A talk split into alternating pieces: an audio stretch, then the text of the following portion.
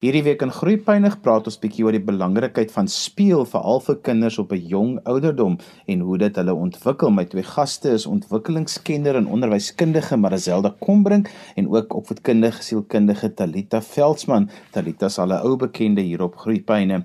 Talita, kom ons begin sommer met jou. Praat gou vir ons en vertel vir ons die beginsels van speel en leer vanuit 'n opvoedkundige uh, oogpunt. So begin reeds vanaf hulle eerste dag in hierdie wêreld leer deur gebruik te maak van hul sintuie. Die basiese leerproses vind plaas in die brein deur middel van die stimule wat ons deur ons sintuie ontvang. En hierdie sintuie begin natuurlik net na bevrugting in die baarmoeder ontwikkel. Nou, die stimule vanaf die verskillende organe en vanaf die omgewing buite die liggaam word deur middel van elektriese impulse met die senuweestelsel na spesifieke areas van die brein vervoer. En hierdie impulse veroorsaak dan 'n chemiese reaksie wat op sy beurt weer 'n boodskap na liggaamsdeel stuur om 'n reaksie te laat ontstaan. Nou hierdie proses word dan sensoriese integrasie genoem.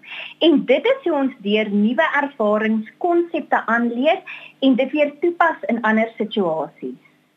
Sotelita in gewone man se taal beteken dit dat kinders se breine ontwikkel as hulle speel en nou hoor ons nou altyd die term daarmee saam vir alles mense programme aan jou verkoop my kind moet gestimuleer word. Wat beteken daai stimulasie? So Johan, vir my is stimulasie en speel en leer eintlik presies dieselfde proses. Want die proses van leer is die heel eerste stap in die ontwikkeling van ons kinders se potensiaal. So wanneer die brein leer, word hy gestimuleer en aangemoedig om nuwe verbindings te vorm wat ons weer in staat stel om inligting te stoor, te begryp en ons emosies te beheer maar ook op 'n sosiaal aanvaarbare wyse op te tree. Nou hier is ook waar hierdie konsep van gene in vergelyking met omgewing inkom, daardie tipiese nature versus nurture. Navorsing sê vir ons dat ons met 'n bepaalde genetiese bloudruk gebore is, maar dat vroeë stimulering noodsaaklik is om potensiaal te ontwikkel wat plaasvind deur take, speletjies, voorwerpe, apparate sodat 'n kind op die ouend kan groei en optimaal ontwikkel. Ek het onlangs met 'n klompie ouers gepraat en ek het vir hulle almal gevra, nou wanneer moet jy met jou kind begin speel en en wat is speel nou eintlik? So Marizelda, nie een van hulle kon regtig vir my 'n goeie antwoord gee nie. So verduidelik jy gou vir ons van watter ouderdom af moet ek met my kind speel en wat is speel dan nou spesifiek die speel waarna ons verwys? Goeiedag Johan. Ja, so tereg soos wat uh, Lita gesê het, begin speel direk na geboorte. Ons kan regtig al dadelik met ons babas begin speel omdat hulle regtig al so vroeg bewus is van die wêreld rondom hulle. In die eerste 3 maande van jou baba se lewe ontwikkel sy kognitiewe, sy fisiese, sosiale, emosionele vaardighede alreeds. En mamma sal dalk nou wonder Ja, maar hoe speel ek met my baba? Dis dan net 'n ou klein dingetjie wat daar lê. Mamma, maak oogkontak met jou baba. Dit is tog daardie interaksie wat belangrik is wanneer ons speel. En dit is hoekom ons speel. Ons wil dan daardie interaksie hê. Dans met jou babas. Dans is 'n groot vorm van kommunikasie. En terwyl jy dan dans, voel jou baba sommer die ritme van jou liggaam en so ontwikkel en bevorder ons dan die ruimtelike oriëntasievaardigheid van jou baba, want hy beweeg nou op 'n totaal en al vir ander tipe manier in die ruimte. Boot jou baba se geluide na, boot jou baba se gesigsuitdrukkings na. So daar is ongelooflik baie wat jy met jou baba kan doen al is hy nog pas gebore. Tarita, wat hoe sluit dit dan aan by die term uh, sensoriese integrasie wat jy net nou gebruik het? So Johan, in leuke taal maak ons gebruik van ons sintuie om inligting in ons omgewing in te neem en te integreer en op die ouende in staat te stel om nuwe konsepte aan te leer. So wanneer ons met 'n baba of 'n kind speel, gebruik ons ons sintuie en ons weet as opvoedkundiges hoe meer sintuie ons gebruik, hoe beter onthou hierdie kind die inligting. Ek gebruik altyd die voorbeeld van as 'n kind byvoorbeeld die alfabet leer of leer hoe 'n letter of 'n syfer lyk. Vat hulle eers buitentoe, laat hulle met klippies of takkies die alfabet letter of die nommer eers pak op die plaveisel. Dan daarna vat sout of skeerom en spuit daardie selfde letter of nommer op 'n papier of ook op die plaveisel voordat 'n kind dit in geskrewe vorm gaan oordra. Want die oomblik as jy al die kind se sintuie betrek, aktiveer jy daardie gedeelte van die brein wat die inligting baie baie beter gaan stoor en later ook weer kan herroep. Ek sê altyd vir ouers dat die brein werk eintlik so klein bietjie teen ons as ouers in die begin omdat die brein eintlik net een boodskap of een doel het en dit is om alle breinselle met alle breinselle te laat verbind, maar deur speel wat eintlik ons beste stukkie gereedskap is, kan 'n mens dan al die onnodige verbindings wat in die brein is snoei en deur die regte stimulasie en deur die regte sensoriese integrasie, dan word die brein eintlik 'n brein wat net die nodigste breinpaadjies het en nie al daai onnodiges nie want dis wat die kinders so in die skool laat sukkel. Ja, Johan, en ek dink dit is ook waar geheue ontsettend belangrik is. En as jy ook gaan kyk na die kompleksiteit van die brein oor hoe die brein inligting organiseer, Um en dit is waar slaap ook inkom. Ja. Waarom dit belangrik is vir 'n kind om genoeg slaap te kry want ek sê altyd vir ouers ook in die aand wanneer ons slaap, rus jou brein nie. Jou brein is besig om deur daardie daaglikse inligting te sif en as ware in verskillende layers te plaas om te kyk wat moet jou brein onthou en wat moet jou brein nie onthou nie. En sodoende vorm jou brein ook nuwe paadjies wat baie belangrik is vir leer. Dis nogal baie belangrik dat ouers moet verstaan wat slaap is, want ek dink baie ouers dink dat 'n kind rus terwyl hulle slaap, maar dit is eintlik een van die belangrikste fases van 'n kind se ontwikkeling is as hy slaap, maar ook wat hy gespeel het die dag word dan eintlik omgeskakel in ontwikkeling in. Ja, Johan, dieselfde met speel.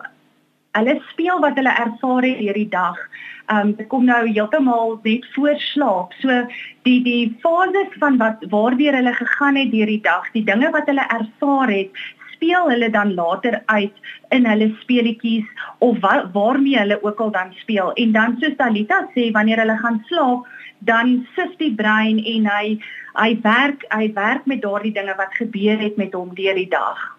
En ek dink dit is ook as ek daarby Marisella kan aansluit waar daardie rotine ook rondom slaaptyd ontsettend belangrik is want jy jy leer as ware die brein wanneer kan ek afskakel wanneer kan ek gaan slaap. So as ons kyk na kinders wat byvoorbeeld in die dag sukkel om te konsentreer dan is dit ook baie keer kinders wat nie genoeg slaap in die aande kry nie of te veel stimulasie het sy byvoorbeeld deur televisieprogramme of videospeletjies gekry net voordat hulle gaan slaap het. En dan sukkel daardie brein ook om af te skakel. En dis dan wanneer 'n kind baie moeg is die volgende dag en sukkel om te fokus in 'n formele klaskamer Daar's een aspek van speel wat ek dink mense 'n bietjie onderskat en dit is daardie ek wil dit noem jou velsintuig baie meer betrokke is by die spel, maar 'n baie sterk jou jou dieper velsintuig, die dieper druk gedeelte, want ek weet Lizanto Plessis is altyd iemand wat sê van daardie rof speel met jou kind sodat sy vel geaktiveer kan word. Ja, beslis Johan, wanneer ons met ons baba speel en ons rol en ons duik of ons loop oor hindernisse of ons kruip bo oor hindernisse, word daardie breinpaadjies gevorm. En dan is dit ook 'n manier om ontslae te raak van stimule wat inkom deur my liggaam te gebruik om hard te stap op 'n voorwerp of ek rol saam met my pappa in die ronde of op die grond of ek my mamma swaai my in die ronde. Dit is hoe babas of klein goed of kleuters ontslaa raak van hulle emosies en stimule wat met hulle gebeur deur die dag. Talita die verhouding tussen ouer en kind wil ek amper sê word baie keer beoordeel aan hoe 'n mens met jou kind speel. Johan, ek dink die basis van speel en stimulering is juis daardie verhouding tussen die ouer en kind, want dit gee ook aan die ouer die geleentheid om werklik waardeur spel hulle verhouding met hulle kind te kan verdiep. So daar's 'n paar dinge wat ouers wel kan doen wanneer hulle met hulle kinders speel. Vir my is die heel belangrikste ding is om net teenwoordig te wees in die oomblik. 'n Kind soek nie 'n perfekte ouer nie, hulle soek net iemand wat daar is en die oomblik saam met hulle geniet. So vir 15 na 20 minute per dag, vergeet van jou selfoon, vergeet van jou werkdruk en wees net saam met jou kind. En speel moet lekker wees. Kies 'n aktiwiteit waarvoor jou kind lus is en reageer self entoesiasties wanneer jou kind vreugde ervaar. En soos Mariselda van tevore gesê het, daardie oogkontak wat jy maak met jou kind, gee aan jou kind die boodskap ek maak saak vir my ma of pa en dit ontwikkel 'n gevoel van selfwaarde by jou kind. Jy moet jou kind ook komplimenteer terwyl jy speel. Jy kan byvoorbeeld vir jou kind sê, "Sjoe, mamma en pappa het nie geweet jy kan so hoë toring bou met hierdie blokkies nie. Dit is fantasties." Laat jou kind goed voel in daardie oomblik. Maar terselfdertyd nog steeds is grense belangrik. So jy kan byvoorbeeld vir jou kind sê, "As ons byvoorbeeld rof stoei, jy mag my nog steeds nie slaan nie." So wat buite die spelproses ontoelaatbaar is, moet ook binne die spelproses ontoelaatbaar wees. En dan vir my 'n ander belangrike komponent is beweeg saam met jou kind in die proses. Moenie vinniger as jou kind in 'n vinniger tempo beweeg en iets net wil klaar kry omdat jy haastig is nie. Volg jou kind se leiding. Dit sluit by Talita oor saam speel. As jy vat hoe jy voel as iemand tyd saam met jou spandeer, jy voel belangrik, jy voel geliefd, jy voel jy word aanvaar, jy hoort iewers. Nou hoeveel te meer vir 'n baba of 'n klein kindjie wat uit 'n mamma en 'n pappa se besige dag word daar tyd afgestaan aan my en soos Kalita sê, daar word oogkontak met my gemaak, daar word aan my geraak. Hoeveel te meer beteken dit dan nie vir 'n klein ding nie? En daar ontwikkel ons dan en maak ons daardie emosionele brein van ons kindertjies baie sterker. Dat wanneer hulle gereed is nadat die emosionele kant ontwikkel is en ek voel veilig in die omgewing waarmee ek en my waar ek en my mamma speel, kan akademiese leer dan verder plaasvind. Maar Zelda, kom ons gesels nou oor die verskillende ontwikkelingsfases van kinders, hoe mens met kinders moet speel op watter ouderdom, maar ook dan die fases van spel daarmee saam. Ja, Johan, wanneer jou baba gebore word, is daar nog nie veel fisiese interaksie wat jou baba alleen kan doen nie. Daarom speel ons met ons baba se lyfies. Ons strek hulle lyfies, ons dans met hulle en ons beweeg met hulle rond. En dan natuurlik soos jy genoem het, daardie interaksie Dan beweeg ons aan na die peuterfase toe waar ons babas al hoe meer onafhanklik raak van ons, maar tog nog steeds ons mammas naby wil hê, maar ons kan dan vir hulle begin wys hoe speel 'n mens en waarmee speel 'n mens. Nadat ons se peuterfase klaar is, gaan ons na die kleuterfase toe en daar is waar ons regtig kan sien dit wat ons met ons babas gedoen het tot op hierdie ouderdom, waar pas hulle dit dan toe met hulle maats en met mammas en met pappas. En dan begin die fantasiewêreld, die verbeelding begin dan ook vorm aanneem tot en met die ouderdom wanneer hulle skool toe gaan, waar hulle dan dit wat hulle sien en ervaar dan uitspeel in verbeelding en fantasie. En dit is dan waar mens ook met terapeute kan werk en deur speel kom jy dan agter wat in jou kind se lewe gebeur. Talita want baie keer sê ouers vir die kinders, nou maar gaan speel net 'n bietjie, gaan speel in jou kamer. Daai keuse van spel, hoe hanteer 'n mens dit en en en om dan ook op die kind met jou kind te speel, maar jou kind moet ook moet ons ook baie keer op hulle eie speel. Johan, ek dink dit is waar balans ontsettend belangrik is. So in die eerste plek glo ek in 'n balans tussen gestruktureerde en informele spel. Dit is nie altyd nodig om 'n formele aktiwiteit gereed te hê om met jou kind te doen nie. Baie keer moet jy na jou kind toe gaan en net sê, "Weet jy wat, mamma en pappa is vreeslik opgewonde. Ek het tyd nou. Kom ons speel iets saam. Kies jy wat ons wil speel." En volg dan jou kind se leiding. As jou kind wil speel, julle is fietjies in 'n bos wat op 'n ontdekkingsreis gaan of julle is weermagsoldate wat deur die modder kruip, doen dit saam met jou kind want dit is hoe verbeelding ook ontwikkel wat baie belangrik is. En dan kan daar ook gestruktureerde aktiwiteite in plek wees waar jy kan kyk watter aspekte van die ontwikkeling wil ek stimuleer. Byvoorbeeld as jy weet jou kind sukkel bietjie met auditiewe prosesering, kan jy vir jou kind sê kom ons sing 'n liedjie of ons leer 'n rympie aan. Maar dan is onafhanklike spel ook belangrik. Ek sien so dikwels in terapie dat daar baie kinders is wat hulle self nie kan besig hou nie, omdat daar nie geleentheid geskep word vir hulle om as ware verveeld by die huis te wees nie. Ouers onderskat dikwels die belangrikheid van verveeldheid in 'n huisomgewing. So baie keer as 'n kind by jou kom en sê, "Mamma, pappa, ek is verveeld." Moenie dadelik aan 'n plan vir hulle dink aan iets om te doen nie. Sê vir hulle, "Maar weet jy wat? Jy het 15 na 20 minute voordat ek weer met jou gaan speel, gaan kry iets wat jy kan doen. En dan is dit dikwels wanneer jou kinders met die oulikste idees vorendag kom van dit waarmee hulle hulle self besig hou. En daardie konsep van onafhanklikheid pas hulle dan toe in ander vaardighede in hulle sosiale verhoudings. Wilna van Rooyen sê altyd bitter min van waarmee kinders moet speel kry 'n mens in die speelgoed afdeling van 'n kettingwinkel in en en speelgoed wat wat kinders goed doen hoef nie duur te wees nie. Nee glad nie Johan. Um ek dink as 'n mamma regtig lank genoeg stil staan in haar kombuis, selfs die badkamer of enige vertrek in die huis, gaan sy definitief so vinnig agterkom dat daar soveel is waarmee mens kan speel. 'n Mamma hoef nie die speelgoed te ko koop nie. Ek sê altyd wat kan die kind doen met die speelding? Dit gaan nie oor wat die speelding vir my kind kan doen nie. En dit ontwikkel weer kreatiwiteit. As ek dink aan dinge soos groente en vrugte in jou huis, Dit kan al jou sintuie van jou baba ontwikkel. Proe, voel, ruik, vryf dit deur jou vingers, uh, maak dit sag en fyn tussen jou vingers. 'n Simpel apparaat soos 'n vergieter kan 'n speelding word. Jy kan dit op jou kop sit vir ons ouer kinders en hulle het daardie verbeeldingsvlugte van ek vlieg iewers heen of ek doen iets. En dan vir ons kleiner kindertjies, druk spaghetti deur die gaatjies en daar is jou kind fisies besig stil op sy eie en hy ontwikkel vaardighede soos sy hand-oog-koördinasie. 'n Lawwe ding soos oorstokkies wat mens nooit sal dink 'n speelding is nie, kan 'n verfapparaat word. Ons groter kinders kan prente verf met dit. Ons heel ouer kinders kan formasies bou met oorstokkies.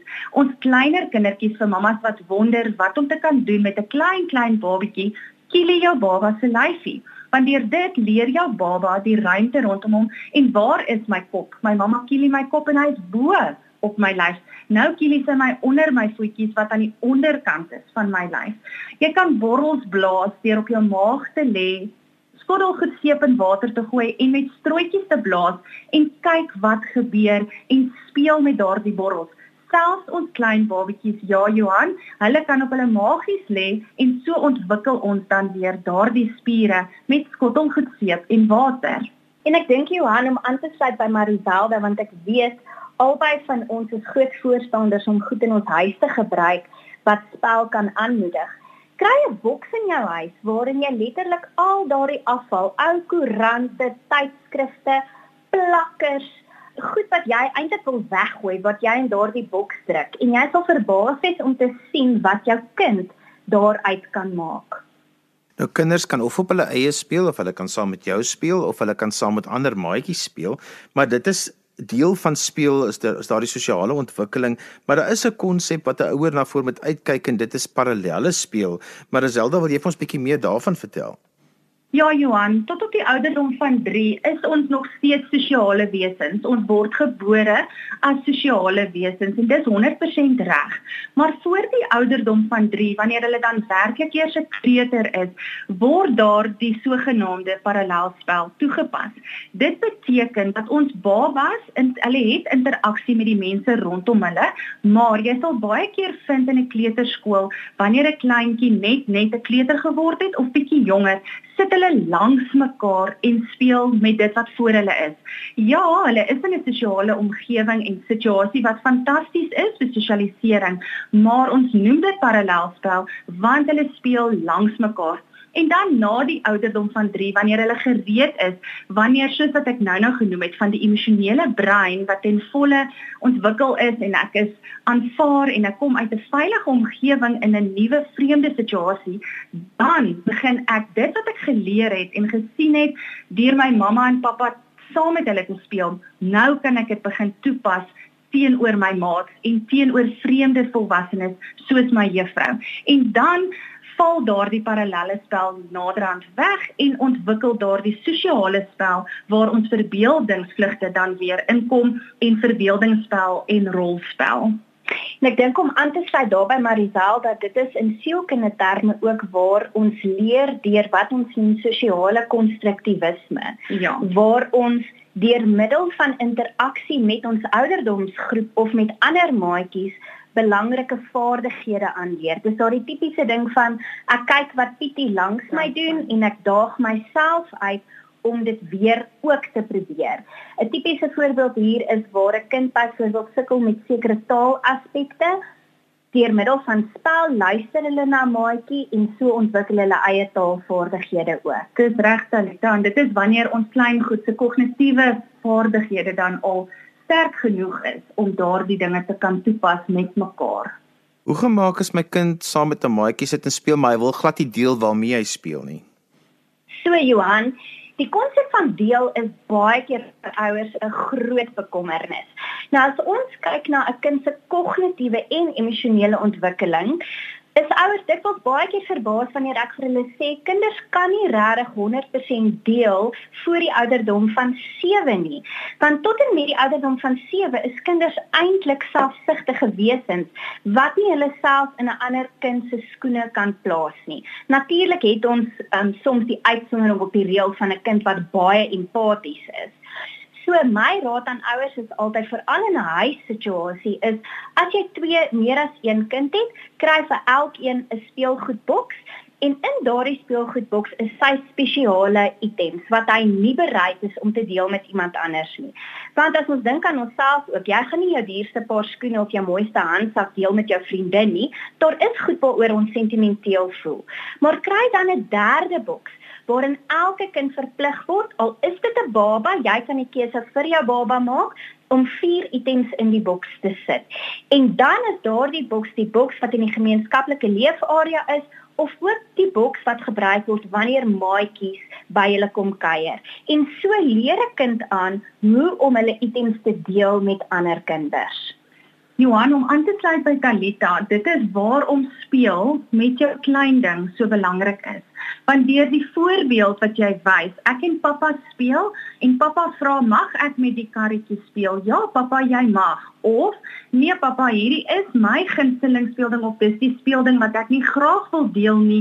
Ek gaan dit nie nou deel nie, maar op 'n ordentlike manier dan 'n voorbeeld wys vir jou klein ding, dan dink ek dit kom dan daarin wat Talita nou verduidelik het, deur goeie voorbeelde, maar dit gebeur net wanneer jy tyd maak om saam met jou kind te speel. Om vandag se program af te sluit, kan elkeen net van julle vir my so 'n slotgedagte gee oor speel en ook sommer as mense met julle wil verder gesels, hoe hulle met julle kan kontak maak. Kom ons begin by Marizelda Kombrink. Johan, ek sal sê deur te speel met jou klein ding en jou kind of jou Peter of jou kleuter, wys jy dat jou kind is belangrik genoeg om tyd mee saam te spandeer en dink saam met jou kind aan speletjies en kreatiewe dingetjies om te doen. En soos ek gesê het, loop in die huis rond en kry daardie huisartikels en speel met jou huisartikels. En dan Talita Veldsmann Johan, ek dink ek sal wil afsluit deur te beklemtoon en die boodskap aan ouers oor te dra. Moenie bang wees om met jou kind te speel. Die speel is eintlik 'n natuurlike instink wat elkeen van ons het en 'n baie belangrike manier wat jy liefde aan jou kind kommunikeer. Hier is van jou kontakdetails. My kontakdetails is 0842603320. En Mariselde, jou kontakdetails? My kontakdetails is 062 411 9564. En so gesels ons twee kenners oor speel vandag, Marizelda Kombrink en sy is 'n onderwyskundige ontwikkelingskenner. Sy is ook betrokke by die Pinkfoot Pret program en Talita Veldsmann bekende opvoedkundige sielkundige. Onthou jy kan weer na vandag se program luister as 'n potgooi. Laai dit af by resgep.co.za. Skryf gerus vir my e-pos by groeipyne@resgep.co.za. Dan groet ek dan vir vandag tot volgende week van my Johan van Lille. Totsiens.